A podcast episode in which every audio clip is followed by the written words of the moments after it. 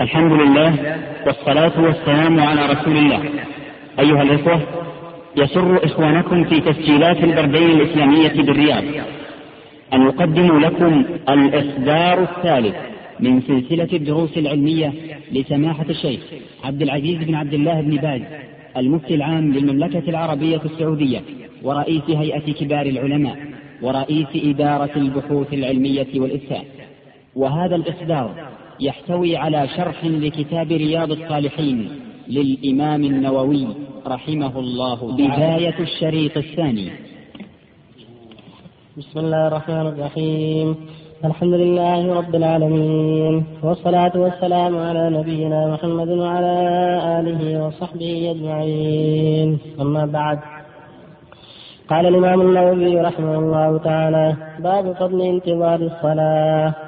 عن أبي هريرة رضي الله عنه أن رسول الله صلى الله عليه وسلم قال لا يزال أحدكم في صلاة ما دامت الصلاة تحبسه لا يمنعه ان ينقلب إلى أهله إلا الصلاة. متفق عليه.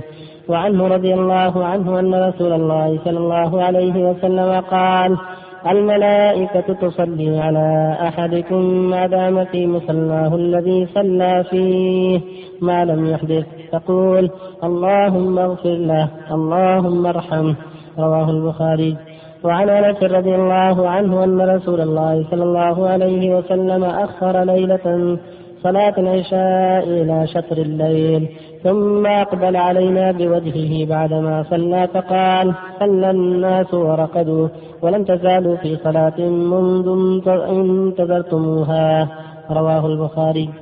الحمد لله وصلى الله وسلم على رسول الله وعلى اله واصحابه ومن اهتدى به أما بعد هذه الأحاديث الثلاثة الصحيحة ثابته كلها تدل على فضل انتهاء الصلاة. بعد الصلاة وأن العبد في أجر وثواب ما دام ينتظر الصلاة. وهكذا بعد الصلاة. ما دام في مصلاه فإن الملائكة تستغفر له تدعو له بالرحمة والمغفره ولا يزال في صلاة من انتظر الصلاة. ولهذا صاحب عليه السلام وقال من عبد الصحابة في بيته ثم يسعى إلى نفس مساجد الله إلا كانت إحدى خطوات يتلو بها درجة والأخرى حق خطيئة فإذا وصل المسجد فلا يزال في صلاة من ترك الصلاة؟ والملكة تصلي عليه. تقول اللهم اغفر له اللهم ارحمه. اللهم صل عليه. اللهم تب عليه. ما لم يؤذي أو يحدث. يؤذي يعني بغيبة أو نميمة أو كان أو يحدث ينقض الطهارة. فجدر بالمؤمن أن يفرح بهذا الخير وأن يلتمسه وأن يكون من أهله بالمحافظة على الصلاة في الجماعة. واحتساب الأجر في ذلك رضي هذا الخير العظيم وأنه ما زال لا يزال في صلاة ما دامت الصلاة تحبسه قبلها وبعدها ما لم يؤذي أو يحدث والملائكة تصلي عليه تقول اللهم اغفر له اللهم ارحمه الحديث الثالث كذلك يكون صلى عليه الصلاة ذات يوم ذات ليلة فأخر العشاء إلى شطر الليل. سئل فأخرها إلى آخر وقتها. فقال صلى الله عليه وسلم نام الناس. صلى الناس وناموا. وأنتم لا تناموا في الصلاة. ما انتظرتموها يعني أنتم على خير. إذا جلس ينتظرها وتأخر الإمام لبعض الأعذار فهو في صلاة. من حين يتوضأ يتوضأ ويقصد المسجد فهو في صلاة. وهكذا بعدها إذا جلس في مصلاه يستغفر الله يسبح الله يسبح الله يقرأ هو في صلاة. ما لم يود أو يحدث فالصلاة كلها خير. أداؤها خير. وانتظارها خير. والسعي إليها خير. هي كلها خير. ولهذا جاء في الحديث واعلموا أن خير أعمالكم الصلاة. فيها ذكر الله فيها قراءة القرآن فيها تعظيم الله والركوع والسجود فيها تعظيم الله التسبيح والتقديس فيها دعاءه وسؤاله وطلب جهوده ومغفرته فيها عبادات كثيرة. والمحروم من حرم هذا الخير العظيم. الله جل وعلا ذم المنافقين بتكاسلهم وتأخرهم عنها. إن المنافقين يخادعون الله وخادعهم وإذا قاموا إلى الصلاة قاموا كسالى.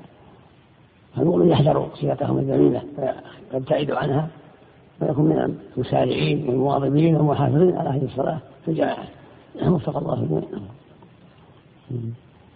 الله إليكم ألا يكون الرباط للمكت في المسجد كما لا يكون الرباط مثل سماه النبي سماه الرباط. اللهم صل على الجلوس المسجد عند الصلاة رباط وهكذا انتظارها ولما جلس. على باله يراقب وقتها حتى يحضر.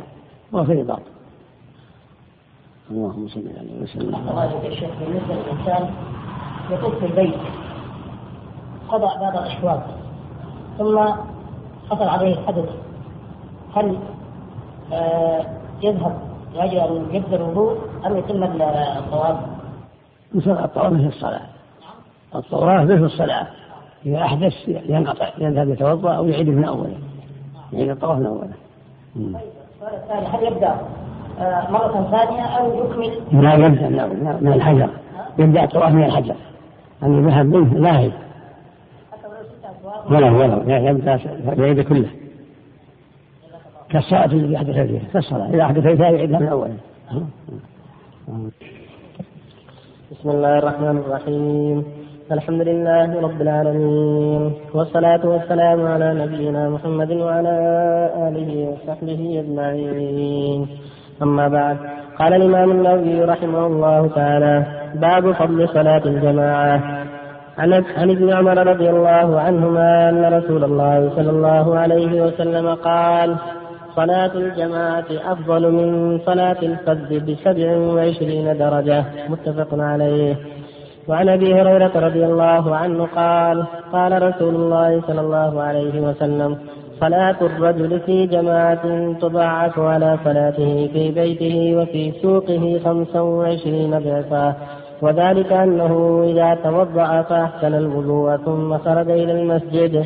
لا يفرده إلا الصلاة. لم يخط خطوة إلا رفعت له بها درجة وحطت عنه بها خطيئة. فإذا صلى لم تزل الملائكة تصلي عليه ما دام ما دام في مصلاه ما لم يحدث تقول اللهم صل عليه اللهم ارحمه. ولا يزال في الصلاة من انتظر الصلاة. ولا يزال في صلاة من انتظر الصلاة. متفق عليه. وهذا لفظ البخاري.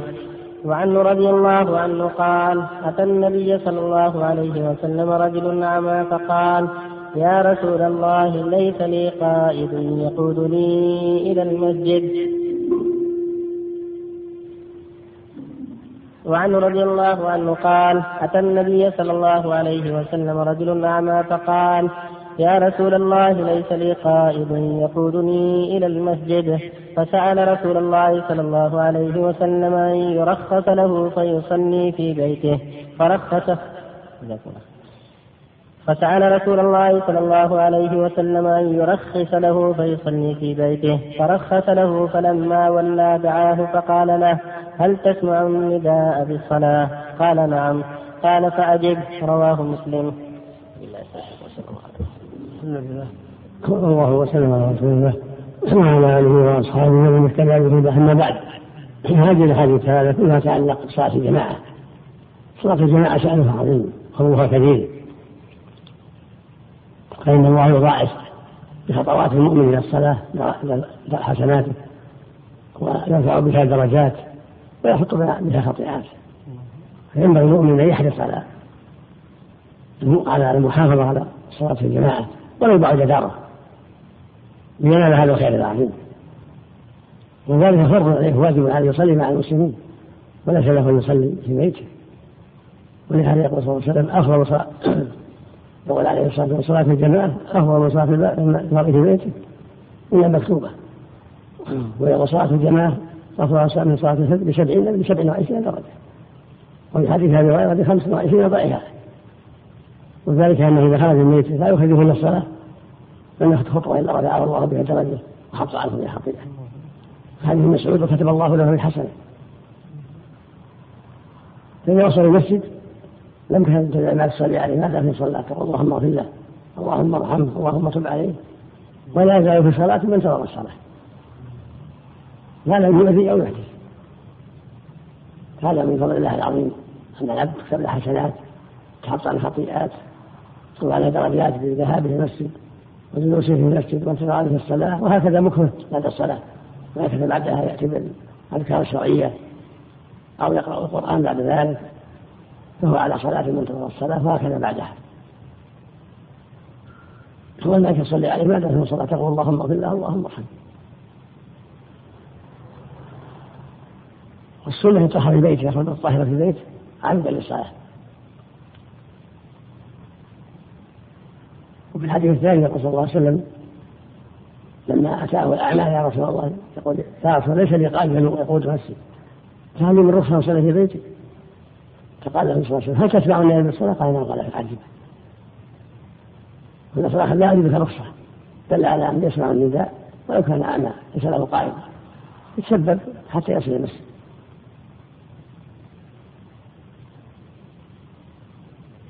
الحديث صلى الله عليه وسلم من سمع النداء فلم يأتي فلا صلاة له إلا بعذر ابن ابن عباس ما العذر قال خوف أو مرض فالمؤمن يجاهد نفسه ويحرص على إغاظة المنافقين وعلى المحافظة هذه العبادة على المساجد. يغض المنافقين ويغضب الله رب العالمين ويفوز بهذه الخيرات العظيمة من الدرجات والحسنات وتكفير السيئات. حتى ولو كان أعمى. يجتهد في أن يصل إلى المسجد. وقد ثبت عن صلى الله هم أن يحرق على من تخلف بيته. وهذا يدل على عظم الأمر. وكثير من الناس يتساهل في هذا الأمر. ويتشبه بالمنافقين في تخلف عن الصلاة. وهذه مصيبة كبيرة نسأل الله العافية. والواجب الحذر. قال تعالى إن المنافقين يخادعون الله وهو خادعهم وإذا قاموا إلى الصلاة قاموا كسالى يراؤون الناس ولا يذكرون الله إلا قليلا. فلا ينبغي للمؤمن أن يرضى بهذه الحالة مشبهه لحال المنافقين. بل يسنبت ويجتهد في المسابقة والمسارعة إلى الصلاة مع إخوانه في الجماعة في كل وقت. وفق الله في الجميع. الله إليك اختلاف الروايات. الأولى أن صلاة الجماعة تبطل صلاة الفجر الفجر ب 25 درجة والأخرى ب 27 هذا من الله. كانت 25 ما زادهم زادهم سبحانه. درجتين هذا من الله جل وعلا. العدد مفهوم. العدد مفهوم. نعم. الله المستعان. الله المستعان.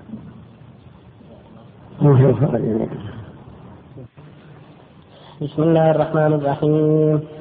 الحمد لله رب العالمين والصلاة والسلام على نبينا محمد وعلى آله وصحبه أجمعين.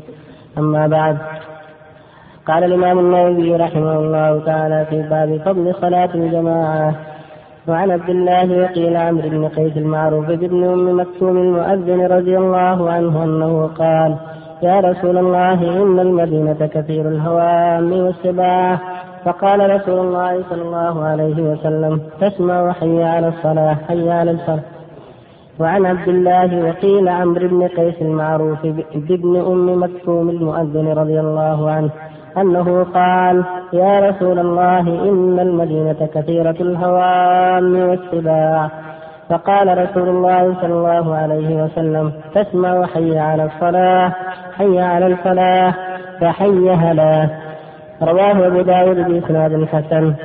وعن أبي هريرة رضي الله عنه أن رسول الله صلى الله عليه وسلم قال والذي نفسي بيده لقد هممت أن آمر بحطب فيحتطب ثم آمر بالصلاة فيؤذن لها ثم آمر رجلا فيؤم الناس ثم أخالف إلى رجال فأحرق عليهم بيوتهم. متفق عليه. وعن ابن مسعود رضي الله عنه قال من سره أن يلقى الله تعالى غدا مسلما فليحافظ على هؤلاء الصلوات حيث ينادى بهم. فإن الله شرع لنبيكم صلى الله عليه وسلم سنن الهدى. فإن الله شرع لنبيكم صلى الله عليه وسلم سنن الهدى. وإنهن من سنن الهدى ولو أنكم صليتم في بيوتكم كما يصلي هذا المتخلف في بيته لتركتم سنة نبيكم. ولو تركتم سنة نبيكم لضللتم ولقد رأيتنا وما يتخلف عنها إلا منافق معلوم معلوم النفاق. ولقد كان الرجل يؤتى به وهذا بين الرجلين حتى يقام في الصف. رواه مسلم. وفي رواية له قال إن رسول الله صلى الله عليه وسلم علمنا سنن, الهدى. إن رسول الله صلى الله عليه وسلم علمنا سنن الهدى وإن من سنن الهدى صلاة في المسجد الذي يؤذن فيه. الحمد لله صلى الله وسلم على رسول الله وعلى اله وأصحابه ومن اهتدى بهداه. أما بعد هذه الأحاديث الثلاثة. كلها يتعلق بصلاه الجماعة. تقدم ما بعضها يتعلق بذلك. صلاة الجماعة فريضة لازمه ولا يجوز للمسلم يصلي وحده. بل يجب عليه أن يصلي مع الجماعة في بيوت الله. قال تعالى في بيوت لا اله الله أن ترفع. ويذكر في اسمه. يسبح له بالغدو والاصال رجال لا تلفهم تجاره ولا بيان ذكر الله وإقام الصلاة وإيتاء الزكاة. يخافون يوما تتقلب في قلوب الأبصار. ليجزيهم الله أحسن ما عملوا ويزيدهم من فضله ذلك. ويقول جل وعلا وإذا كنت فيه على الصلاة وانطلق معك وليأخذوا أسلحتهم أما بالجماعة حتى في الخوف حتى في شدة الخوف. قال تعالى وأقيموا الصلاة وآتوا الزكاة واركعوا مع الراكعين يصلوا مع المصلين. الجماعة فرض لا بد منه. ولا يجوز لأحد يتخلف أن يتخلف عن الصلاة مع إخوانه إلا بعذر شرعي كالمرض والخوف ولهذا قال عليه الصلاة والسلام لابن أم مكتوم عبد الله بن مكتوم ويقال عمرو بن مكتوم لما استأذن أن يصلي في بيته من أجل أن الكثيف والطرق قد يكون فيها الهوام والسباع وهو ليس له قائد يلائمه قال هل تسمع حي على الصلاة حي على؟ قال نعم قال فحي على يعني أجد هكذا روى أبو داود بلسان صحيح ورواه مسلم صحيح بالأخذ أنه سأله قال يا رسول الله ليس لي قائد يقول المسجد. كان لي الرخصة أصلي في بيتي. فرخص له ثم دعاه قال هل تسمع الندى بالناس الصلاة؟ قال نعم. قال فأجب. وفي رواية أخرى لغير مسلم لا أجب فرخصة فإذا كان رجل أعمى كثير ليس له قائد يلائمه ومع هذا يقال ليس لك رخصة بل يجب أن تصلي مع الناس. فكيف بحال البصير القادر السليم ويقول صلى الله عليه وسلم من سمع النداء فلم يأتي فلا صلاة له إلا من عذر إن ما أفنى فالعذر قال من الضرر فالواجب على أهل الإسلام هو السعي هو صلاة الجماعة وعدم التخلف. إلا من عذر شرعي. ويقول صلى الله عليه وسلم ويقول رضي الله عنه من سره ويلقى الله هذا مسلما فليحافظ على هذا الصلاة الخمس حيث ينادى عليهن فإن الله شاء من سنن الهدى وإنهن من سنن الهدى يعني من طرق الهدى السنن والسبيل. الواحد والسنن الطرق. هن من سبل الهدى. الصلاة من سبل الهدى. الصوم من سبل الهدى. الحج من سبل هكذا. ولو أنكم صليتم في بيوتكم كما يصلي هذا في بيته. لتركتم سنة أبيكم ولا تركتم سنة أبيكم لضللتم وفي لفظ لكفرتم ولقد رأيتنا وما يتخلف عنها إلا المنافق العلوم النفاق يعني صلاة الجماعة ومن سنة المنافقين. ولقد كان الرجل يهادى يهادى بين الرجلين حتى يبقى في الصف. يعني حرص الصحابة على الجماعة. بعضهم يرى يؤتى يهادى بين الرجلين يعني يعرض له رجلين حتى يصل المسجد. من شأن حرصهم على الجماعة رضي الله عنهم وأرضاهم. وفي الحديث يا رسول الله الحديث الثالث يا رسول الله صلى الله عليه وسلم لقد هممت أن الصلاة فتقام ثم أهوى بها أم الناس. ثم أنطلق إلى رجال لا يشهدون الصلاة. ويحرق عليهم بيوتهم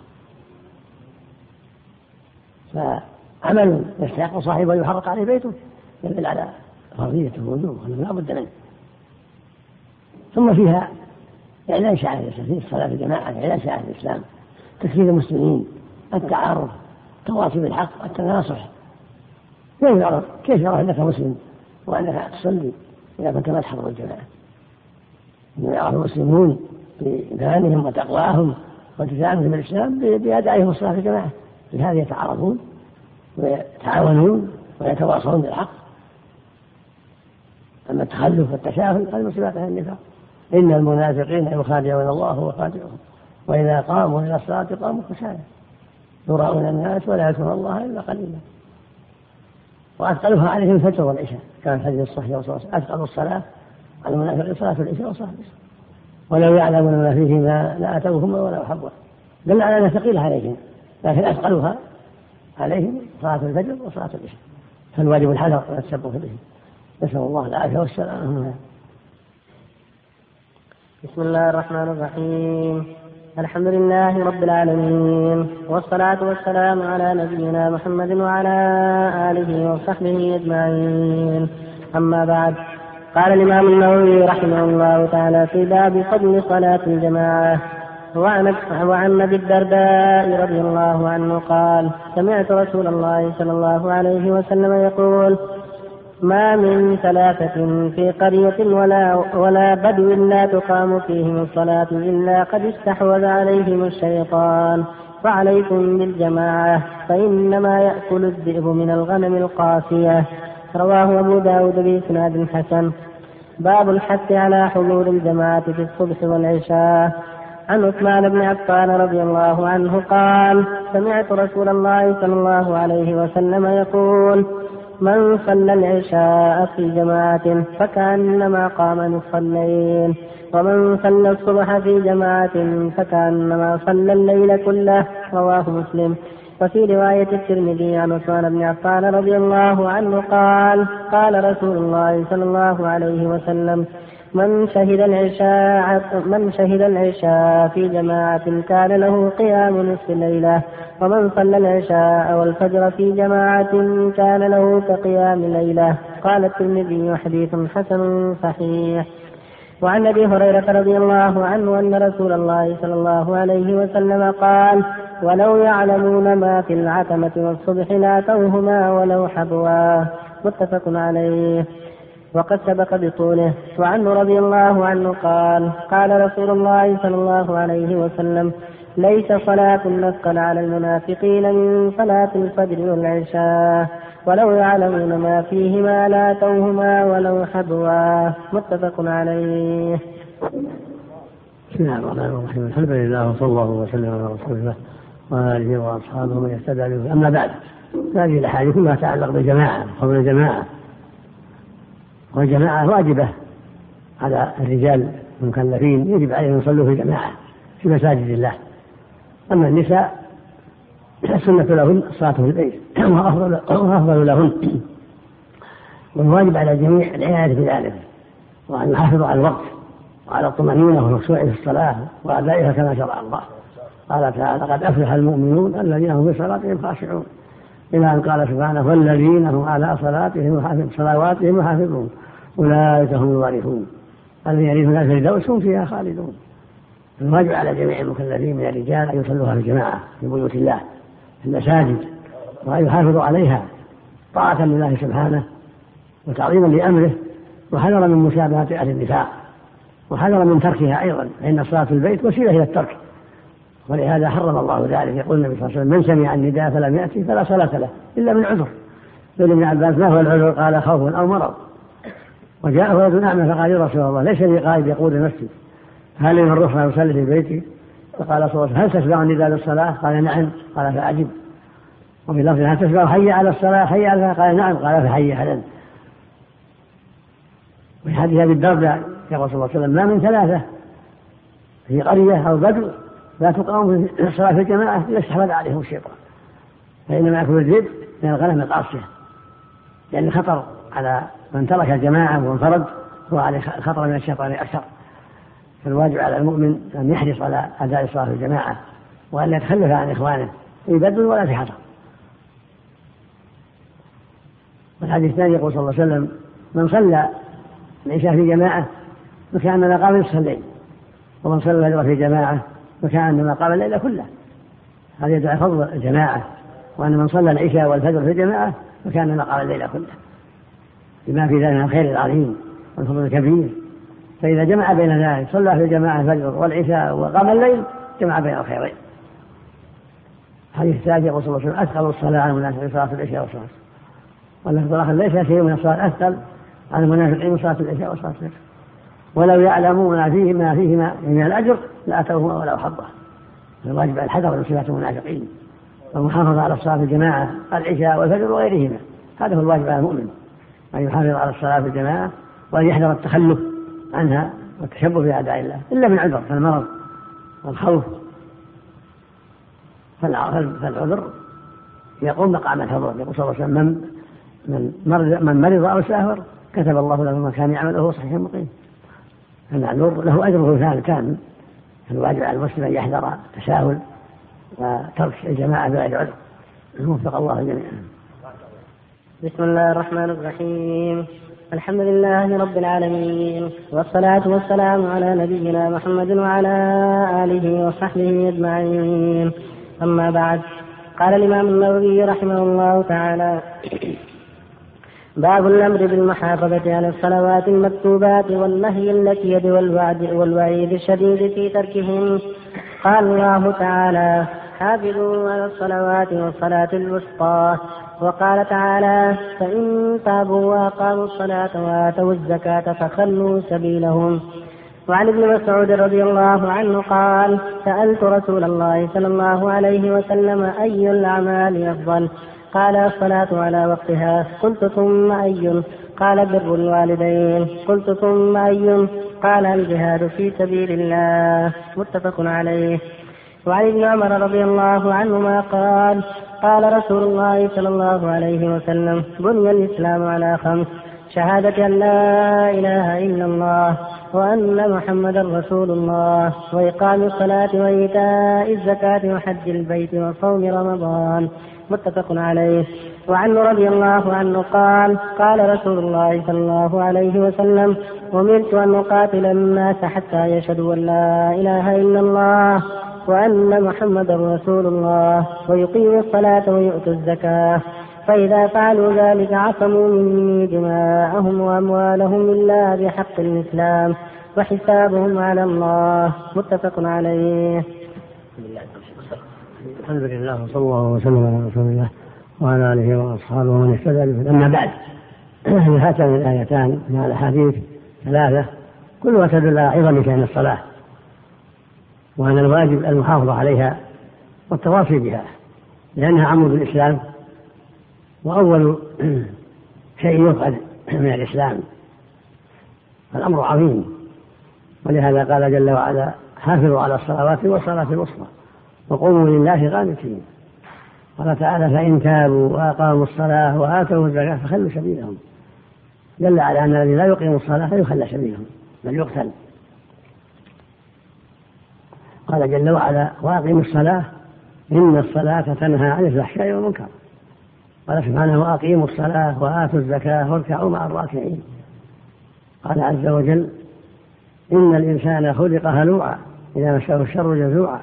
وإذا مسه الخير منوعا إلا المصلين الذين هم على صلاتهم دائمون. إلى أن قال سبحانه والذين هم على صلاتهم يحافظون أولئك في جنات مكرمون. قال جل وعلا قد أفلح المؤمنون الذين هم في صلاتهم خاشعون والذين هم عن اللغو معرضون والذين هم للزكاة فاعلون. إلى أن قال سبحانه والذين هم على صلواتهم يحافظون أولئك هم الوارثون الذين يرثون الفردوس هم فيها خالدون. فالواجب على كل مؤمن ومؤمنة العناية بالصلاة وإقامتها والمحافظة عليها في أوقاتها مع الطمأنينة في كفيها والخشوع فيها وعدم العجلة لأنها عمود الإسلام كما قال عليه الصلاة والسلام رأس الأمر الإسلام وعموده الصلاة. فالواجب على كل مسلم أن يعتني بها وأن يحافظ عليها. ولما سئل صلى الله عليه وسلم أي العمل أفضل؟ قال الصلاة على وقتها. فأفضل الأعمال بعد التوحيد الصلاة على وقتها. ويؤديها في الوقت كما أوجب الله. هذا أفضل الأعمال بعد الشهادتين أن تؤدى الصلاة في وقتها. قلت يا رسول ثم أي قال بر الوالدين. قلت ثم أي قال الجهاد في سبيل الله. وهذا يبين لنا عظم شأن بر الوالدين وأن برهما عظيم. حتى قرنه بالصلاة فالواجب على كل مسلم أن يبر والديه وأن يعتني بذلك. ولذا أوصى الله بذلك في كتابه العظيم مواضع كثيرة قرن الوصية بالوالدين مع الوصية بالتوحيد وترك الشرك. وقضى ربك ألا تعبدوا إلا إياه وبالوالدين إحسانا. قال تعالى واعبدوا الله ولا تشركوا به وبالوالدين إحسانا. فالإحسان الوالدين من أهم الفرائض. ثم الجهاد في سبيل الله لما فيه من اعلاء الدين وقمع المشركين وإظهار شعائر الإسلام. والحديث الثاني يقول صلى الله عليه وسلم بني الإسلام على خمس يعني على خمس دعائم. شهادة أن لا إله إلا الله وأن محمدا رسول الله. هذا الركن الأول. وإقام الصلاة وإيتاء الزكاة صوم رمضان وحج البيت. فالإسلام هو دين الله كما قال تعالى إن الدين عند الله الإسلام. دين الله مبني على هذه الأركان الخمسة. شهادتين وهما أشهد أن لا إله إلا الله وأن محمدا رسول الله. الشهادة بأن الله مستحق العبادة وإفراده بالعبادة دون كل ما سواه. والشهادة بأن محمدا عبد الله ورسوله. ثم الصلاة. ثم الزكاة ثم الصيام ثم الحج. هذه أركان الإسلام الظاهرة. وأركان في الباطنة المتعلقة بالقلب الإيمان بالله وملائكته وكتبه ورسله واليوم الآخر وما قدر خيره وشره. فلا بد من هذا وهذا. لا بد من إيمان القلب بالله وأنه ربك وإلهك الحق ومعبودك الحق. والإيمان بملائكة الله وكتبه المنزلة على الرسل التي أعظمها القرآن.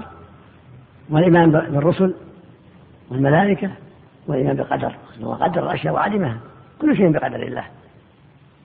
الخير والشر. قد قدره وعلمه. وأمر المؤمنين بتوحيده وطاعته. ونهى عن الشرك به ومعصيته وأعطى العقول والأسماع والأبصار والأدوات حتى يعمل المؤمن بما يرضي الله ويبتعد عما يشرك الله سبحانه وتعالى. فالصلاة شأنها عظيم. وهي أعظم الأركان وأهم الأركان. من حفظها حفظ بعد بعد الشهادتين من حفظها حفظ دينه ومن ضيعها فهو لما سواها ضيعها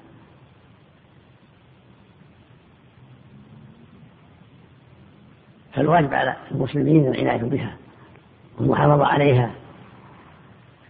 ويقول عليه الصلاة والسلام أول ما يحاسب عنه العبد من عمله صلاته فإن صلحت فقد أفلح وأنجح وإن فسدت فقد خاب وخسر.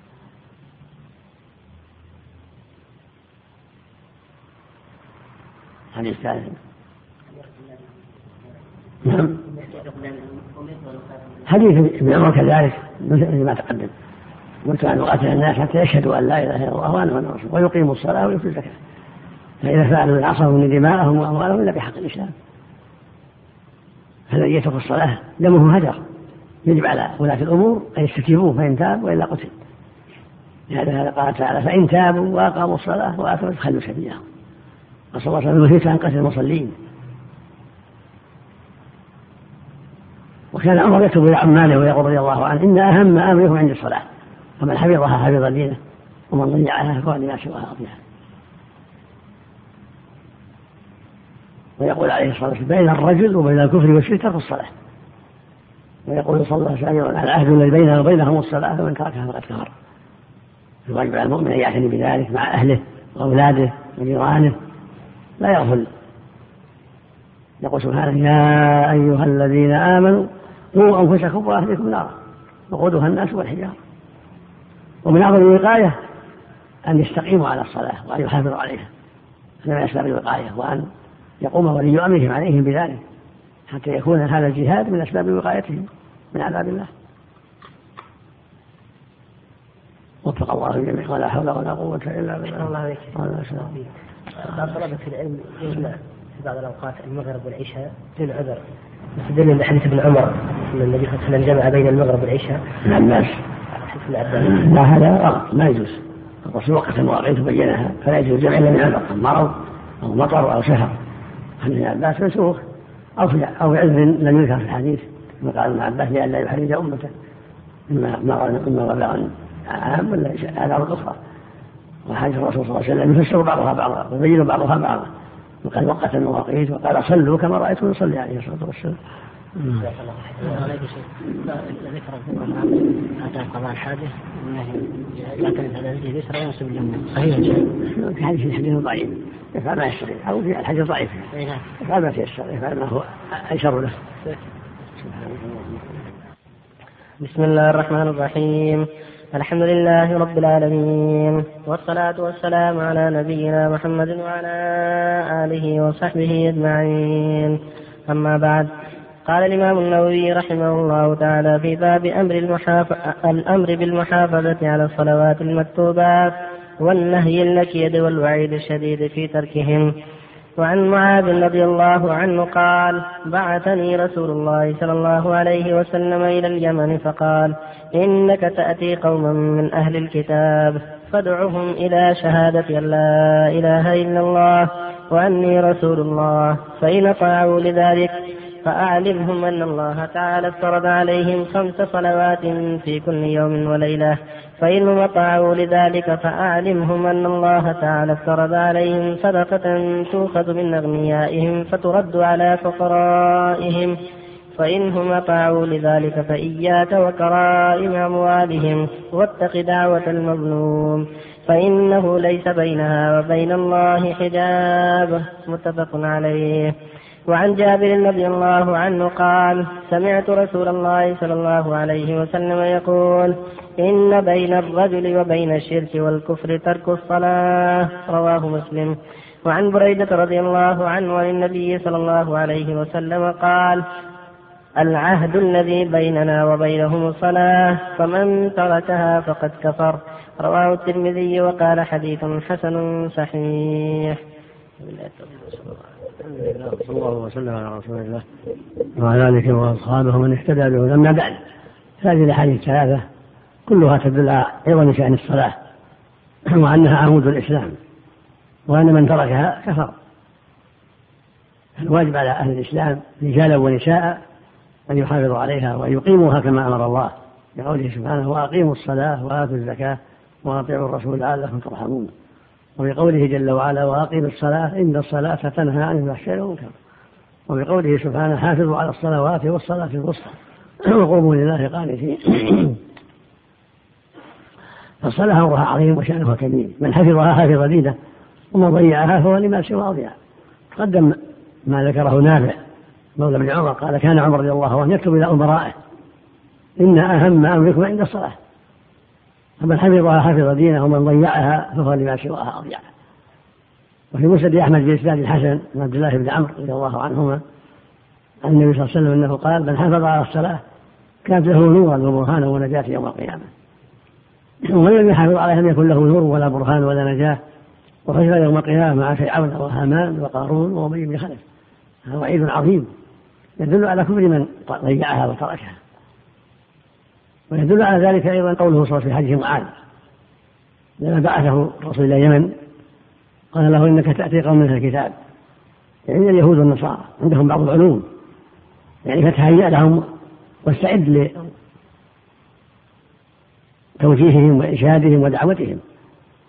فادعهم إلى أن يشهدوا أن لا إله إلا الله وأني رسول الله. يدعو إلى توحيد الله وطاعة الرسول صلى الله عليه وسلم والإيمان به. فلو فادعهم إلى أن يوحدوا الله وأن يشهدوا أني رسول الله. وفي الآخر فليكن أول ما تدعو إلى شهادة أن لا إله إلا الله. فإن أطاعوك لذلك فأعلمهم أن الله افترض خمس صلوات في اليوم والليلة. هذا يدل على أن بدء البداية تكون بالتوحيد. والإيمان بالرسالة قبل كل شيء. وأن على الدعاة كما فعل الرسل أن يبدأوا بالتوحيد والإيمان بالرسول قبل كل شيء مع الكفرة الكافر يدعى سواء كان يهودي أو نصراني أو غيرهم يدعى أولا توحيد الله وإخلاص العبادة لله وحده دون كل ما سواه. وهذا هو معنى شهادة أن لا إله إلا الله. لأن معناها لا معبود حق إلا الله. كما قال سبحانه ذلك بأن الله هو الحق وأن ما يدعون من دونه هو الباطل. وهكذا الدعوة إلى الإمام محمد عليه الصلاة والسلام والشهادة بأن رسول الله لا بد من ذلك فلا إسلام إلا بذلك. ثم بعد الإقرار بالشهادتين والإيمان بهما يدعى القوم إلى الصلاة كما فعل معاذ بن النبي صلى الله عليه وسلم. ثم الزكاة بعد الصلاة. ثم قال فإن أطاعوك لذلك فاتق دعوة المظلوم فإنه ليس بينها وبين الله حجاب فيفيد أن الواجب على المؤمن وعلى الأمراء على الدعاة أن يتحروا الحق والعدل في كل شيء ويحذروا الظلم فإن دعوة المظلوم مستجابة. فعلى الحاكم والأمير والداعي إلى الله وعلى كل مسلم أن يتقي الله وأن يتحرى العدل في أموره كلها والأمانة ويحذر الجبر والظلم أينما كان. في الحديث الثاني من حديث جابر رضي الله عنه أن النبي صلى الله عليه وسلم قال عليه الصلاة والسلام فإن بين الرجل وبين الشرك والكفر ترك الصلاة. هذا يدل على أن تركها كفر أكبر لأن قال الكفر والشرك والكفر معرف والشرك معرف والأصل فيه الكفر الأكبر والشرك الأكبر. فبين الكفر الأكبر والشرك الأكبر ترك الصلاة فمن تركها فقد كفر وهكذا في حديث بريدة فيما رواه الإمام أحمد وأهل السنن الأربعة بإسناد صحيح عن بريدة رضي الله عنه. عن النبي صلى الله عليه وسلم قال العدل بينه وبينهم الصلاة فمن تركها فقد كفر. الحديث رواه أحمد وأهل السنن أبو داود والترمذي والنسائي وابن ماجه. بإسناد صحيح عن بريدة بن حصيب الأسلمي رضي الله عنه.